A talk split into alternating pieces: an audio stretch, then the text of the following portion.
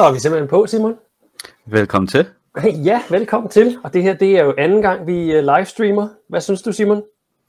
Jamen, den her gang klarer vi det på næsten lige på minuttet, så det er super. Ja, der er dog en ting, og det er, at jeg har ikke fået pudset linsen. Gør jeg altså lige to sekunder. Ah, sådan der. Jamen, øh, udover at det har været en dejlig solskinsdag i dag, så er jeg er blevet forkølet. Simon, du sidder med høfeber. Så, så hvis der bliver snøftet at... lidt, så undskylder vi på forhånd.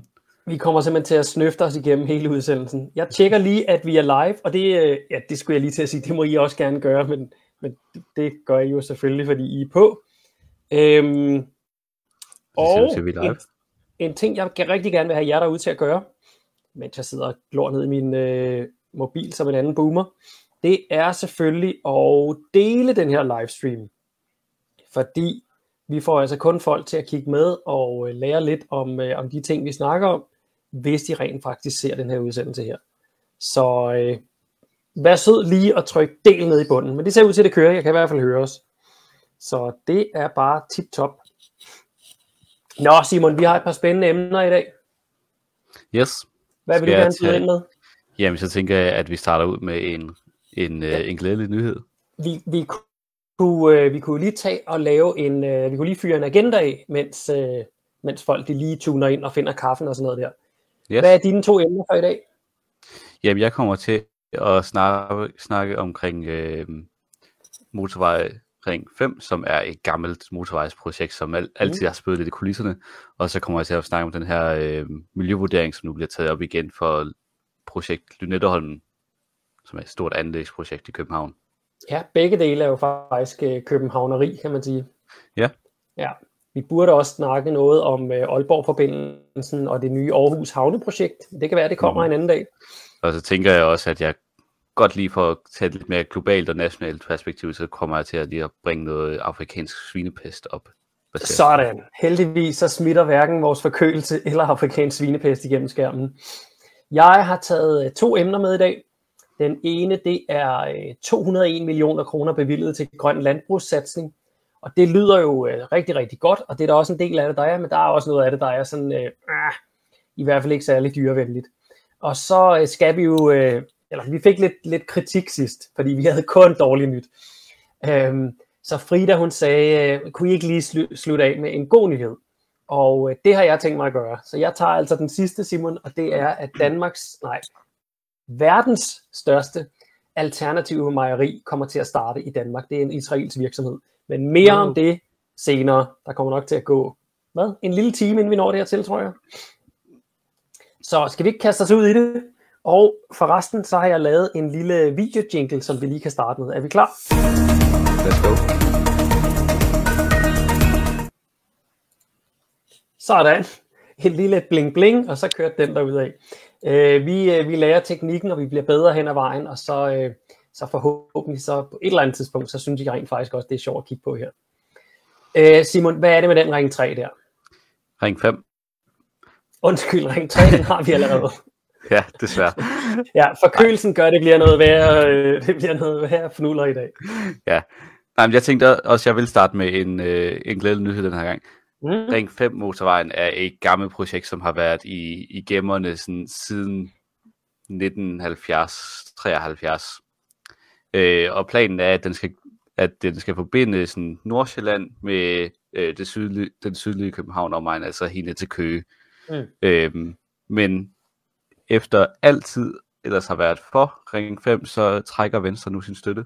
What? Hvilket for første gang i Folketingets historie, så er der, så er der ikke længere et, øh, hvad, hvad vil man give, et anskuet flertal for en Ring 5. Det er, jo, det er jo faktisk ret store nyheder, det her. Øh, du er nødt til lige at gå lidt i dybden med, hvorfor de trækker støtten. Jamen, det har at gøre med, der er noget miljøvurdering indover, og der er også noget, at man øh, at man simpelthen ikke kan se det økonomiske i det. Mm-hmm. Øh, det og det, det, øh, det vi snakker omkring, det er, at den, den her linje, den kommer alt efter vores, hvilken løsning, for der er anlægsprojekter, der kommer altid for alle mulige forskellige løsninger fra ministeriet og embedsværket. Ja. Øhm, og de fleste af de her løsninger, de vil være på 50 km motorvejstrækning eller mere. Ja. Øh, og det, motorvejstrækninger er rigtig store anlægsprojekter. Det må man sige. Hvad var det, vi sad lige og googlede, hvad prisen på en, eh, 10 meter motorvej, hvad var det? Øh, nej, cirka, per kilo, cirka per kilometer motorvej, så plejer det at lande omkring de 100 millioner kroner. Ja, så 1 million kroner for 10 meter motorvej. Ja. Det er altså, Så, det, hvad er det, det er fire, et sted mellem fire og fem biler, nej, fire biler efter hinanden. Det koster en million kroner. Ja.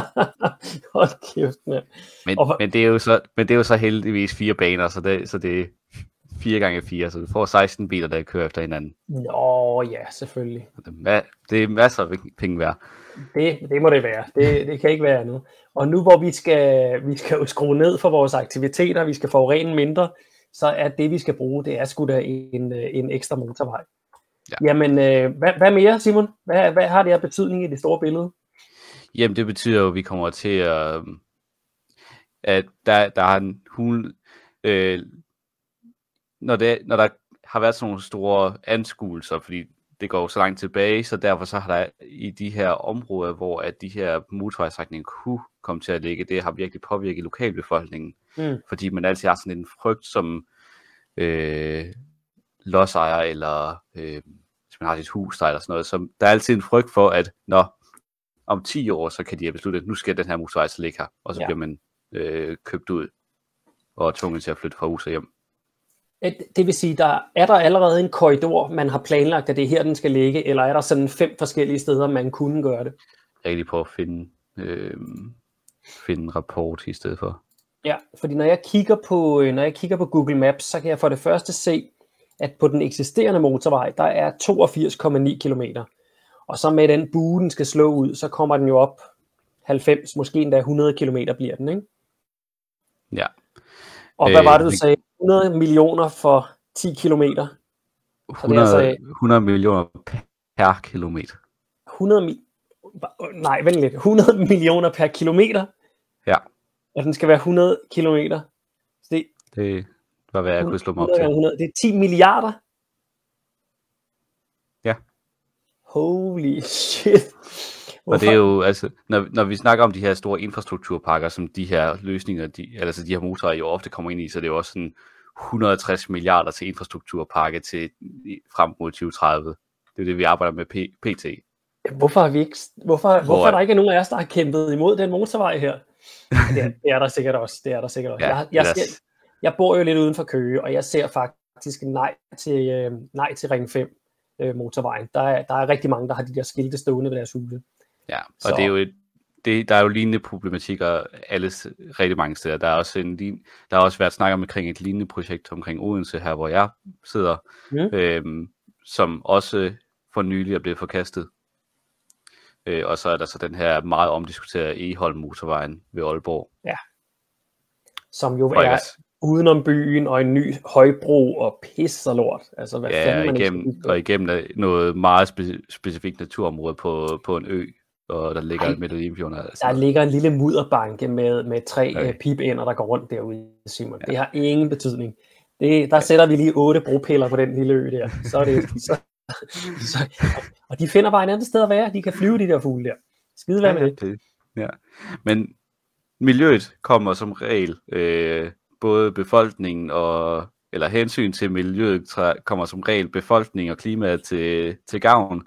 Så fordi Yay! at de fleste af de her strækninger, I kan, I, I kan se her, som der ligesom er anskuet, øh, der er, for jer, der kun lytter med, så, så er der en række forskellige løsninger, som ligesom er længere eller mindre, eller snor sig hen omkring de forskellige be- tætbebyggelser omkring, der ligger i Københavns omegn.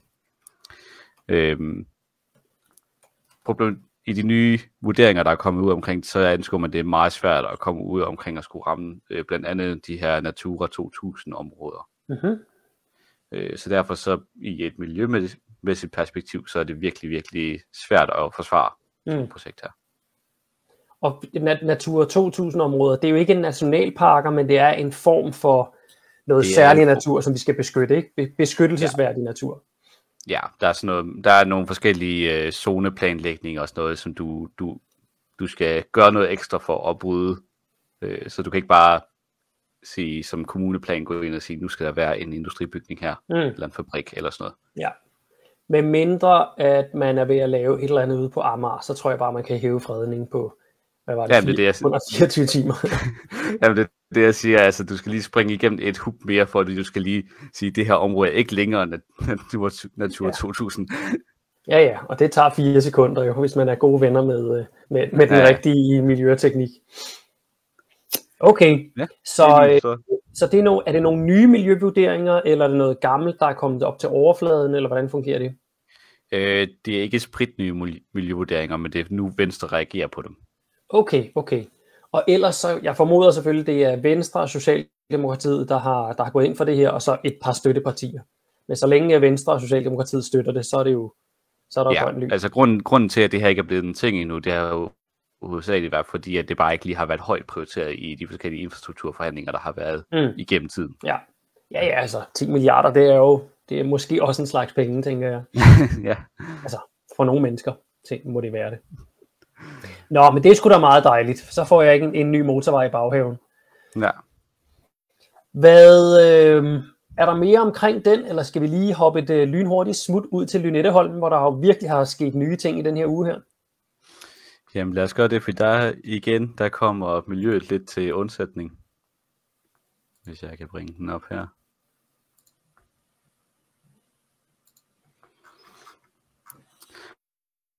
Fordi det er kommet, der er blevet gravet frem, at en del af den miljøvurdering, der har været på Lynetteholm, som ligesom man har brugt til at forsvare, at byggeprojektet godt kunne forsvares mm-hmm. i miljøhensyn, det er, at øh, den har bygget på en 40 år gammel forskningsartikel, som baserer sig på et lokalt øh, fjordområde i Texas.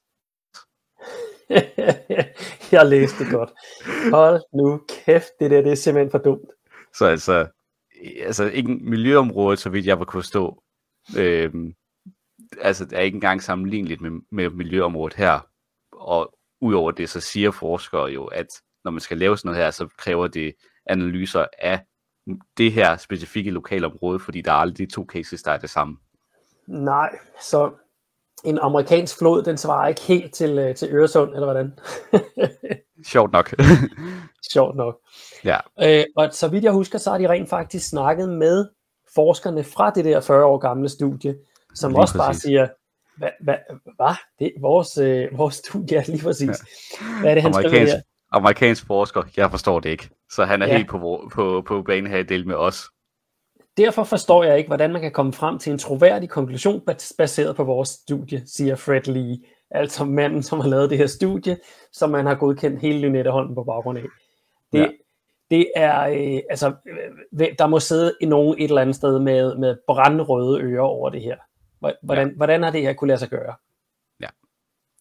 Og altså, de jo, ja, altså lige nu så kan de måske, dem som nu vil stå til ansvar for det, kan jo nok så gemme sig bag med, at man allerede har smidt øh, Benny af ministerposten, for, som ellers har siddet med ansvaret for det her stykke tid. Så nu har vi jo sådan lige øh, fra et ansvar væk, for nu der er jo en ny, der skulle sætte sig ind i det, før de kan tage ansvar for det. Simon, øh, hvorfor er det, man skal grave det her slam væk? Ved du det? Fordi jeg har, jeg har gået og tænkt lidt over det. Jeg har nogle idéer, hvorfor man gør det, men jeg har faktisk ikke læst op på, hvorfor man skal grave slammet væk, inden man kan bygge en ø. Øhm, det har jeg faktisk heller ikke, men... Okay, min tanke, det er, at det her slam her, det er jo noget meget øh, klistret, klamt et eller andet. Så når man kommer og smider jord og grus og alt muligt ovenpå, så vil man få et lag et stykke nede, som godt nok bliver mast sammen selvfølgelig, men du har stadig det her slimede slam, der ligger dernede. Øh, jeg, jeg tænker, det har noget at gøre med, at så hele den her ø her, den kan simpelthen bevæge sig oven på det slam. Det er, det er min umiddelbare tanke. Øh, altså, den vil simpelthen kunne glide og, og sådan noget der. Øh, det kan selvfølgelig også være, at der er så mange øh, miljøfarlige stoffer i det slam, som man ikke, ikke engang vil have, at det kan sive op igennem jorden på en eller anden måde. Men jeg, jeg tænker, det har noget at gøre med, at man skal ned til noget, til noget reelt sand, man kan bygge ovenpå. Det, det tænker jeg også, fordi en af de ting, der er også et problem med Lynetteholm, det er, at man skal bruge øh, 80 millioner ton mm. øh, jord som er ligesom man så tager for overskud fra bygge- og anlægsprojekter i København omegn, og som man så skal bruge som ligesom for at skabe et uh, mere fast dække uh, til den her ø. Ja. Uh, hvor man forresten også mener, at cirka 60% af den her uh, jord, den er forurenet. Fantastisk. Og så i øvrigt, øh, en af miljøtingene omkring det, det var jo, øh, var det 30.000 lastbiler, der skulle køre med det der jord der? Eller, eller var det højere? Altså tallet var kolo enormt. Var det 1000 lastbiler om dagen? Det var, det var i hvert fald mega højt. Der er, ja, jeg kan godt høre, at jeg skal læse op på Lynetteholm igen. Øh, de der Det, for, fakta det, der, de, det, for, de det forventes, at 350 lastbiler skal køre i pendulfart igennem byen hver eneste døgn Ja. i hele anlægsfasen, hvilket, og anlægsfasen kommer til at strække sig øh, muligvis helt frem til sådan 2070, Ja, før det lige- ligger helt færdigt. Øhm, så, men, men problemet med det slam her, det er selvfølgelig, at man, man, øh, man roder det hele op, der hvor man skal have det op. Øhm, så der bliver en masse næringsstoffer, der bliver øh, pisket op i vandet. Der kom, i, I Københavns Havn, der ligger altså også en del øh, farlige tungmetaller, blandt andet kviksøl, øh, som er den industri, der var tilbage for, ja, i hver, forhåbentlig før, at, at øh, før vi kom til, Simon, der var man ikke sådan helt så strikse omkring, hvad man lige gluk, gluk, gluk hældte ned i afløbet. Øh, og de fleste afløb, de endte altså ude i havnen. Så der ligger en del farlige stoffer bundet ned i det slam der. Ja. Og der tænker man så, at man kan tage det her slam, altså jeg, jeg ved ikke, I, må- I må også have prøvet, øh, alle jer, der sidder, sidder og kigger med derude, når man stikker hænderne ned i en sandbund og løfter op, øh, når man er ude at bade. Så ja, det kan da godt være, når man når op til overfladen, at der er noget sand tilbage, men der er eddermame, hvis man kigger ned, så er der virkelig meget, der er virvlet ud i vandet, og som forsvinder mellem fingrene på en.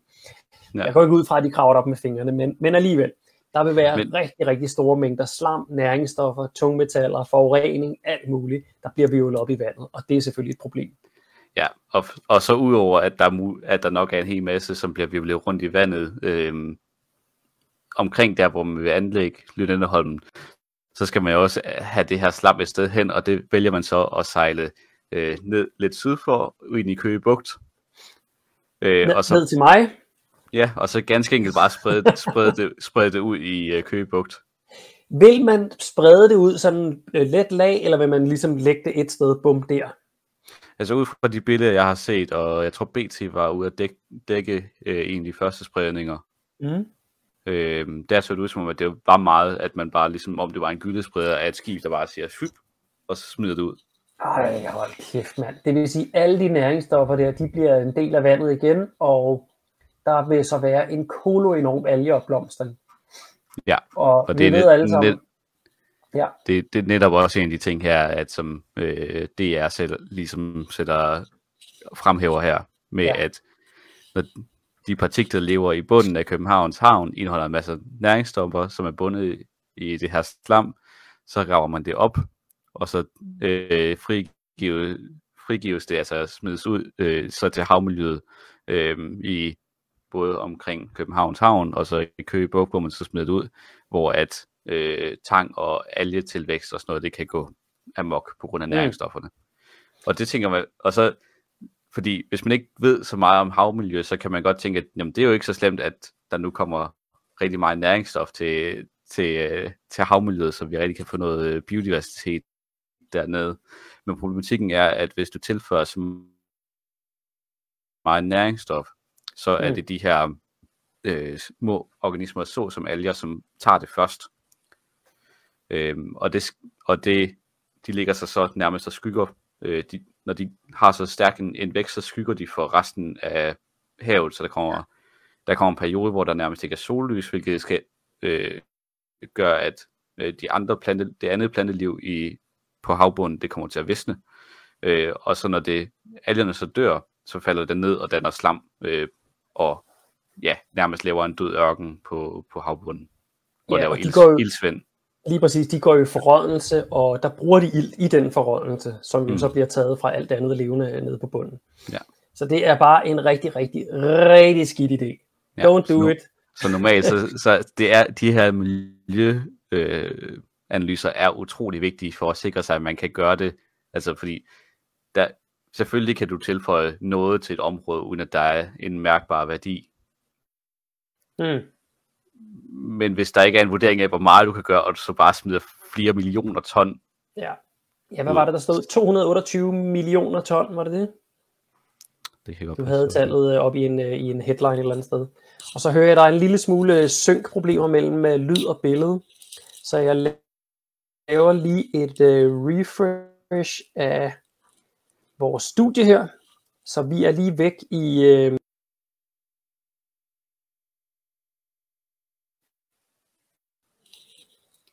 Og så er vi tilbage igen, og nu tror jeg, at lyd og billede passer bedre. I kan lige se her. Hvis, øh, hvis det passer nogenlunde, så giv lige en thumbs up. Øh, det er en billig måde at få likes nemlig i en øh, Facebook-stream. Kast lige en uh, thumbs up, hvis uh, lyden passer bedre den her gang. Thumbs up for tekniske problemer. Ja, lige præcis.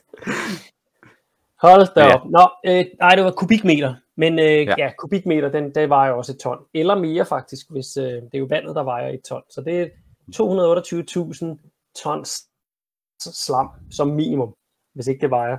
Nå, nu siger Gustav, det blev værre. Fantastisk. Nå, eller også så laver han fis med os. Øh, Gustav, der har været lidt problemer med det i Google Chrome. Kan du ikke lige prøve at hoppe over i en Firefox? Eller se det på en mobil device og se, om det så passer bedre. Øh, jeg kigger selv lige en gang. Da, da, da, da, da, da. Live med den grønne vinkel. Skal vi se. Hov, man skal huske at play. Nej, det har den allerede. Så ser vi lige.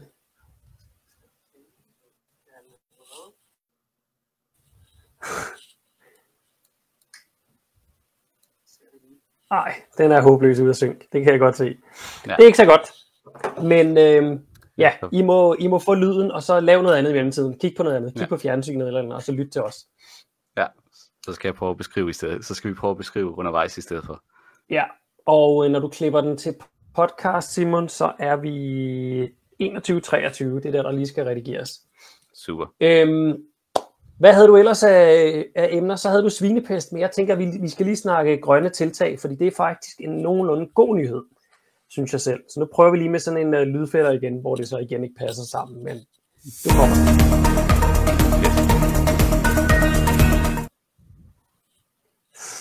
sådan. øhm, vi skal snakke om øhm, nogle af de øh, landbrugssatsninger, der bliver gjort fra, øh, fra, hvad hedder det, fra vores kære politikere. Nu skal I se her. Øhm, jeg skal lige dele en Chrome-tab, der hedder 201 millioner bevilget til grøn landbrugssatsning. Og det kan man jo ikke andet end at være vild med. Det lyder jo som det bedste nogensinde. Eller hvad? Lad os lige prøve at kigge det lidt igennem. Der er noget, der hedder AgriFuture. Øhm, der er øh, en, øh, en part, et partnerskab, øh, som, som øh, jeg kan se, der er, der er fire af de her grønne øh, innovationspartnere. Og det her det er altså den ene af dem, som, øh, som starter op. Og de vil så brede det ud i alle mulige mindre projekter. Øhm, og de her øh, AgriFuture, de har allerede nu gang i tre projekter, og det de, skal, det, de vil gå i gang med, det er altså, de vil drive bæredygtig landbrug, øh, hvor man kan nå i mål med de øh, CO2 og CO2-ekvivalent reduktioner, som vi, skal, som vi skal have gang i. Og det er jo rigtig, rigtig, rigtig godt. Øh, også fordi, at øh, når vi så lykkes med det her, så kan vi jo, som Danmark jo nogle gange lykkes med, så kan vi eksportere til resten af verden og blive rige på det, så vi kan købe en masse privat fly og flyve verden rundt. Men øh, der er altså nu blevet afsat de her to, 201 øh, millioner. Men altså, det er 201 millioner til noget forskning? Eller hvad er vi ude i? Øh, ja, ja, ja. Altså, man, man laver jo ikke, man, man løser ikke alle problemer med det samme, ikke? Øh, vi, vi kender overhovedet ikke nogen af de svar, der skal til for den grønne omstilling. så derfor så skal der sættes en masse penge af til at forske. Og det er altså 41 partnere, der er med i det her, fra universiteter, videns- og innovations- innovationsinstitutter, øh, små og mellemstore virksomheder, og så er der altså også store virksomheder, og så videre, og så videre. Så de er i hvert fald rigtig glade for det, og de har klappet hinanden på skuldrene, og er glade for at sætte i gang. Og der er så 12 projekter, som allerede nu øh, skal sættes i gang. Og det er reduktion af drivhusgasser fra planteproduktion. Tjek, det er super. Ja. Og det har noget at gøre med, når man kun skøder og husdyrgøder, så øh, når man plasker alt det her ud på markerne, så er der altså noget af det, der fordamper som lattergas, som øh, nitrous oxides, hvad hedder de på dansk? Nitratoxider, øh, hedder de det? Ja, nitrat, tror jeg, øh, man kan pleje ja. til det. Og, øh, og ammoniak, øh, og metan og CO2 i sig selv. Så alle de her, øh, alle de her øh, klimagasser, som, øh, som fordamper, øh, mens man hælder mest af alt øh, husdyrgødning ud, det, øh, det vil man finde ud af, hvor den hule man kan, man kan slippe af med. Så vil man gerne udvikle processer og kulturer til plantebaserede fødevarer. Og det igen, altså det er lidt der, hvor øh, vi danskere, vi er så pisse bange for at lave noget som helst om. Så vi er nødt til at forske i at lave en en-til-en øh, T-bone steak, for at nogen vil sætte tænder i den.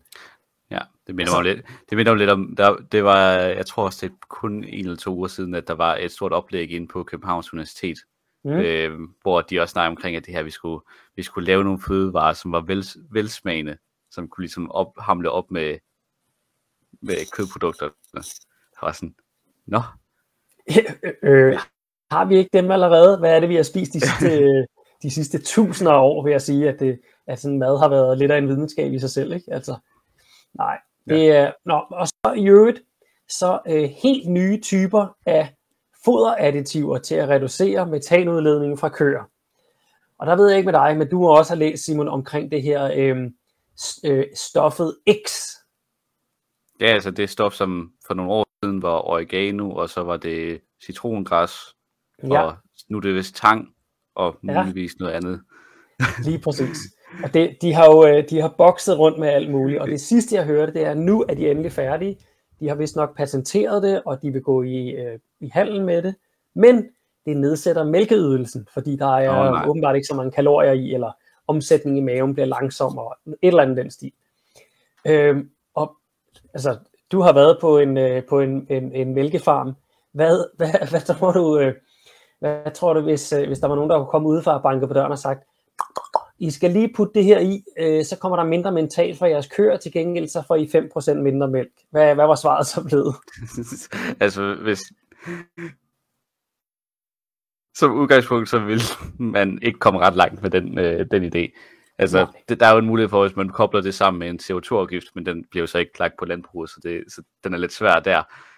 Men hvis man nu har en CO2-afgift, så kunne man jo lave noget, noget øh, ja, en form for øh, trade på den måde. Det kunne man, det ja. Så vil, så, hvor ja. det så måske vil hamle op med hinanden. Ja, ja, ja. Øh, men det er ja. sjovt, altså det er første gang, jeg har hørt, at øh, de nu er så langt med det her proces, fordi det jeg var til et, øh, et oplæg med en forsker fra SIGGES, mm. for omkring et års tid siden, der var, de, der var han meget øh, opsat på at forklare, at det her, det kom nok ikke til at lade sig gøre, og den eneste reelle måde at nedsænke metanudledninger fra køerne, det var simpelthen at opfange den i staldbygningerne. Lige præcis, og det kommer vi til lige om et øjeblik. Men okay. øh, bare lige til jer, der kigger med her. Øhm, man vil kigge rigtig meget på land use and management, og det er altså det her med, hvordan bruger vi landet? Øh, kan, vi, kan vi ved at plante noget skov, gøre noget andet? Kan vi udtage de her lavbundsjorder? Øh, hvordan gøder vi? Hvordan høster vi? Alle de her ting, jeg siger. Så er der et andet spor, som hedder Animal-Based Food Production, og der er den oplagte, det er jo det her med øh, køernes bøvser, ikke? Fordi man vil ikke gå til køb øh, med, øh, med den animalske øh, madproduktion, man vil fikse den, og der kommer vi lige til en sjov ting lige om lidt. Så vil man kigge rigtig meget på plantebaseret øh, madproduktion. Igen, det har vi gjort i, øh, i øh, ja, hvor, hvor lang tid er det, vi har haft landbrug? Er det 10.000 år, mener jeg, man siger, nede fra Mesopotamien, hvor det startede. Okay. Øh, så ja, det, vi har kunnet lave plant-based food i 10.000 år. Det går nok. Øh, hvis vi bare gad æde det, i stedet for alt det kød der. Og den sidste, det er så alt muligt teknologigøjl omkring madproduktion. Øh, og det er faktisk det, det er faktisk en god løsning, fordi vi er jo øh, ja, vi skal spise det vi gjorde i går også. Øhm, så, så det er også vigtigt det spor der, men, men igen, altså planterne de er der, man kan bare hive dem ned fra hylden og spise dem. Men apropos øh, den animalske produktion der, øh, Simon, jeg ved ikke om du kan huske det, men jeg har jo jeg har ofte sagt i hvert fald, at det her med, at vi prøver at redde verden ved at, øh, ved at eller vi, vi prøver at, at gøre noget godt for dyrene øh, og dyreetik, ved at mm-hmm. snakke om den udfordring, som dyrene har, miljø- og klimamæssigt. Ja. Og, det, og det er bare en dead end, fordi tjek lige, hvad, hvad man nu har opfundet her. En bøvsefangermaske har man opfundet, som man kan sætte på kør, og så opfanger det... Nej, ja, der er faktisk et billede længere nede her. Altså, det, det Hvis bliver... det, du, jeg tror ikke, du viser den tab, øh, du siger på. Uh, Nå nej, for seven. Jeg skal lige dele den anden tab. Det er det der med teknikken igen. Øjeblik. Del. Del, del, del. Chrome tab. Og... Men det lyder jo næsten så vildt, som da jeg så for ikke lang tid, så var der køer, der skulle kunne have VR-briller på, fordi det øgede deres mælkeproduktion, fordi de blev mindre stresset. Hvis så, behøvede de, de behøvede, så kunne du have deres øh, aktivitetsniveau lavt, ligesom i stallene, samtidig med, at de fik lykkeoplevelsen af at komme ud på græs, fordi det gjorde de i VR. Jamen, men altså. Nå, men altså, men, men her, en, en bøvsefangermaske er nu blevet opfundet til køer. Øhm, og den ser altså sådan her ud. Jeg ved ikke, om man lige kan... Nej, jeg, jeg har ikke set videoen, men I kan se, der hænger sådan en plastikanordning der på mulen af konen. Øh, det, ser, det ser rimelig gakket ud. Og nogle af svarene er jo selvfølgelig også, at den der, den vil, jo, den vil blive ødelagt med det samme, fordi staldinventaret er lavet af metal. Og, jamen, jamen det, det er helt gakket, det her. Øhm, ind, og så selvfølgelig den sidste ting, at, at nu tvinger vi de her køer til endnu en anordning, vi skal pakke dem ind i og putte dem ind i. Altså det, det her, det, er jo, det ser meget fint ud, ikke? men det næste, det bliver så for de slidsår hen over næsen, og mm. så altså det ene og det andet og det tredje, eller den falder af, og de kommer til at sluge den, eller you name it, ikke? Øhm, jeg synes bare, at det her det er vigtigt for, ligesom at, øh, for at vise, hvor langt vi mennesker vi vil gå, for at kunne blive ved med at drikke, drikke andre pattedyrs øh, modermælk, øh, og jo et spise deres kroppe. Altså det, der er simpelthen ingen grænser for, for, hvad vi vil gøre for at kunne holde fast i status quo. Og det du, det, du snakker omkring det her, hvor at, øh, at det her det er et af stederne, hvor der kommer noget konflikt i, i den der, man ofte laver med at snakke, snakke øh, bedre øh, eller mindre udnyttelse af dyr, fordi hvis vi nu spiser planter, så øh, kan, vi, øh, kan vi gøre noget godt både for klimaet og for dyrene. Men det ham her øh, forskeren fra Sikkes, han også sat fokus på, det var, at man kan godt opfange rigtig meget metan i staldbyggeriet. Men det kan du ikke, hvis du så lukker dyrene på græs, for der kan det så mm-hmm. sjovt nok ikke opfange det. Nej, med mindre man har den smarte kobøvsefangermaske. Ja. ja. Men helt ærligt, det er, det er simpelthen så åndssvagt det her. Øhm, ja, og, må man, også kan altså, få den der, må man også kan få den der med pigge på, så har man jo læsering og den der i samme anordning. Hey, to flyver med et smæk, eller to kører med en mundting, eller, eller noget. Nå, det var i hvert fald lige, hvad jeg ville vise herfra, hvor, øh, hvor tosset vi mennesker vi kan være med, øh, med de her stakkels køer og deres, øh, ja. ja. Oh, nu sagde jeg stop sharing, og så, hvordan var det? Nå, der var den. Sådan der. Så er vi tilbage yes. i fuld view. Okay, Simon, du vil også gerne et smut til udlandet. Yes. Og inden du gør det, så tager vi lige vores lille pauseskærm. Den kommer nu.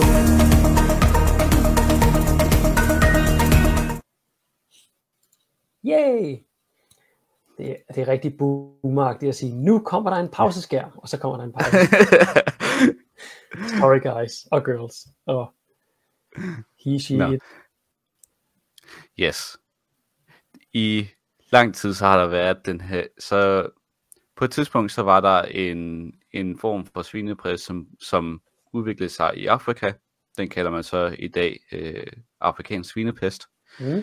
Og den blev, den blev på et tidspunkt fragtet via, man regner med nogle, øh, nogle fragtskibe, som så har taget det her med sig fra nogle øh, vilde, øh, vilde grise og svin øh, et sted i Afrika, og så tage det med sig til et sted, øh, hvor de har dumpet, de, har, de så har spredt sig til nogle grise i lokalområdet. Mm. Ved, ved man hvor henne? Var det Mellemøsten, eller var det Italien ja, eller Spanien? det eller har, hvorhen? det, har været, det har været sådan omkring det sydlige... Øh, jeg kan ikke helt huske, om det var... Jeg tror muligvis, det var i Geor- Georgien. Ja, Okay, så Balkan, vi er sådan i det lidt, ja, øh, læ- længere østpå end Italien, til jer, der er ja. lidt... Øh, ah, nu skal jeg se, Georgien, nej, jeg tænkte på Kroatien. Georgien, det er jo, det er jo naboland til Rusland, er det ikke? jo. Jo, Øhm, og det her afrikanske svinepest, det har så pr- spredt sig øh, voldsomt siden år 2007, hvor man først begyndte at se det sprede sig øh, mm. uden for Afrika. Øh, det var blandt andet derfor, at vi så en re- relativt stort spring i svinenoteringen i 2019 og slutningen af 18, Ja. fordi at øh, det meste af Kina blev ramt voldsomt af afrikansk svinepest. Ja. Og Ja, det er der de- simpelthen de måtte Ja. jo slå, slå mange, mange, mange millioner dyr ned. Ja, Øh, de, og, altså, og, og øh, øh, Vietnam, de blev også ramt øh, rigtig, rigtig hårdt. Øh, og der er nogle forfærdelige videoer derude fra, hvor de hælder levende dyr ned i huller og hælder benzin ud over og tænder ild til dem og sådan noget. Virkelig, virkelig forfærdeligt. Ja, det, det er en meget forfærdelig sygdom. Altså, den er, det er virkelig en forfærdelig oplevelse for grisen at få den her sygdom. Er dødeligheden høj blandt grisen, der får det? Øh, så vidt jeg kan forstå, ja. Og det er derfor, man vælger simpelthen at bare slå dem ned, så, det ikke, øh, så man ikke vil risikere, at det breder sig. Ja, og så er der også altid den der... Øh, der er altid en, en chance øh, for, at... Øh, både for, at den spreder sig til andre besætninger, som man jo ser, at den gør meget voldsomt, når den først dukker op. Men så er der, man er også altid bange for, at når der er en sygdom, som er så skræmmende som øh, den her svineinfluenza, at den på et tidspunkt Svinepest. kunne sprede, svinepest, Ja. ja, vil kunne sprede sig til mennesker. Mm. Ja, fordi vi, grisen er jo faktisk et ideelt dyr for, øh, for de her virer at udvikle sig i. Fordi der er en, en del menneskesygdomme, der kan smitte grise, og der er selvfølgelig øh, dyresygdomme, der kan smitte grise. Og virer har det med, øh, hvis to virer inficerer den samme celle, så kan, de, øh, så kan de simpelthen øh, dele DNA, mens de er inde i cellen, og så kan der altså komme helt nye mutationer ud. Og der kunne man så risikere, at der kom noget, der lignede en almindelig influenza på overfladen ud, og så havde den uh, svineinfluenzaens payload inde i sig. Og det vil sige, at den rent faktisk kunne sætte sig fast, den kunne, være, den kunne smitte mennesker, og så give os uh, svine, uh, svinepest. Det ville ikke være særlig godt. Nej, det er sådan det er helt store skrækscenarie. Mm. Men det, det, det, som svinebranchen er rigtig bange for her, det er, at øh, afrikansk svinepest er øh, kommet i løbet af de sidste, sidste par år kommet rigtig tæt på Danmark. Det er nu øh, 250 km fra den danske grænse i Tyskland. Det er tæt på. Øh, og det derfor er- har man, det- og det er, det ikke derfor, man har lavet hegnet? Det er netop derfor, at man for et par år siden opførte det her vildsvinehegn og Mm. besluttede, at de få vildsvin, som måtte være i Danmark, at de skulle skydes. Mm. Øh, så på trods af, at arten nok burde have været på en eller anden form for fredningsliste i, dag, i, i at der næsten ikke var nogen i Danmark, så valgte man at, at sætte den her øh, frygt for svinepest øh, så højt, at man skulle aflive dem. Og det, jeg synes faktisk, det, det, det var overraskende stille, der var omkring de her vildsvin her. At, at man gik simpelthen ud med vilje og udrydde en dyreart i Danmark. Ja. Og ikke, ikke en lille, øh, og jeg ved godt, størrelsen har ikke noget med det at gøre, men det var ikke en eller anden lille orm et eller andet sted eller noget. Det var simpelthen et af de største landlevende pattedyr, vi har i Danmark.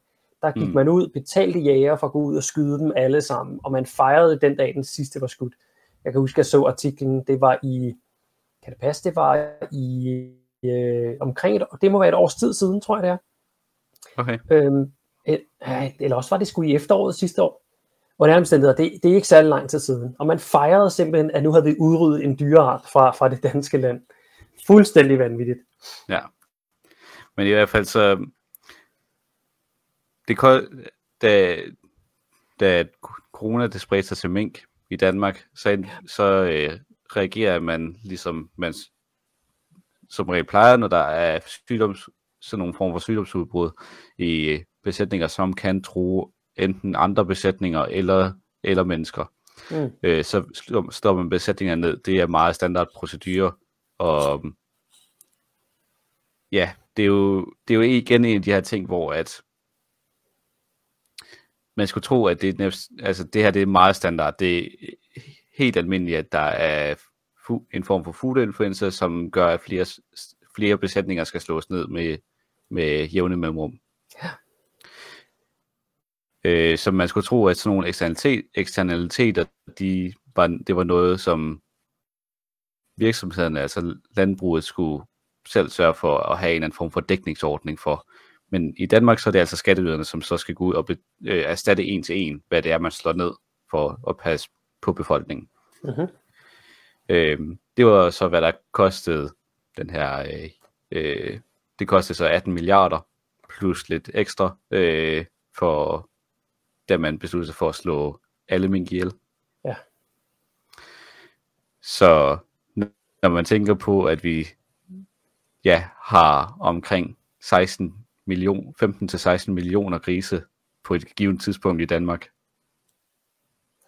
Ja, den samlede produktion i Danmark om året, den er omkring de der 40 millioner. Øh, når man ser øh, de forskellige statistikker rundt omkring, så, så står der 32-33, men det er jo altså, hvad der når til slagteriet. De glemmer ja. så lige de der 9-10 millioner, der dør inden da. Så vi, så vi ja, ligger også. altså lige over 40. Ja, og der, og der kan også producere, man producerer også en hel del pattegrise, som har noget, der er noget kortere rotationstid osv. Mm. Øhm, men ja, se, mellem 30 og 40 millioner grise, alt efter hvordan du regner ud af det om, om året. Men i hvert fald så vil man regne med, hvis der kom afrikansk svinepest, og det meget hurtigt ville sprede sig til de danske farme, så, så skal vi altså se ind i, at vi skal betale for at slå muligvis en 16 millioner grise ihjel. Og det var 17 millioner mink, så der, der har vi jo sådan nogle, en, en målstok at, ja. at sætte i, i relief med.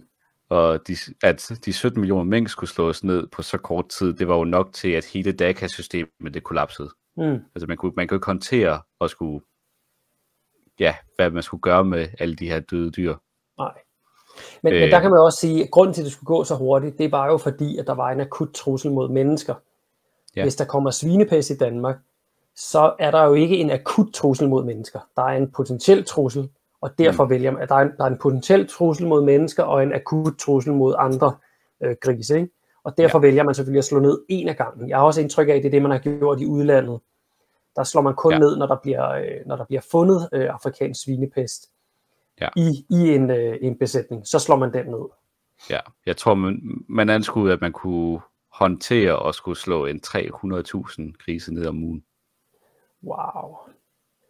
Øh, hvad, det svarer vel nogenlunde til den normale slagterate? Ja.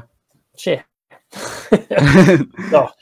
Men øh, altså, jeg kan jo ikke lade være med at tænke lige, lidt ligesom med, øh, med pelsproduktionen, som jo i sig selv er hæstlig, så er den, øh, altså griseproduktionen i Danmark er jo også virkelig forfærdelig. Man kan bare se det her billede her, som de endda er åbenbart er, er synes er fint og, og beskrivende af svinebesætningen.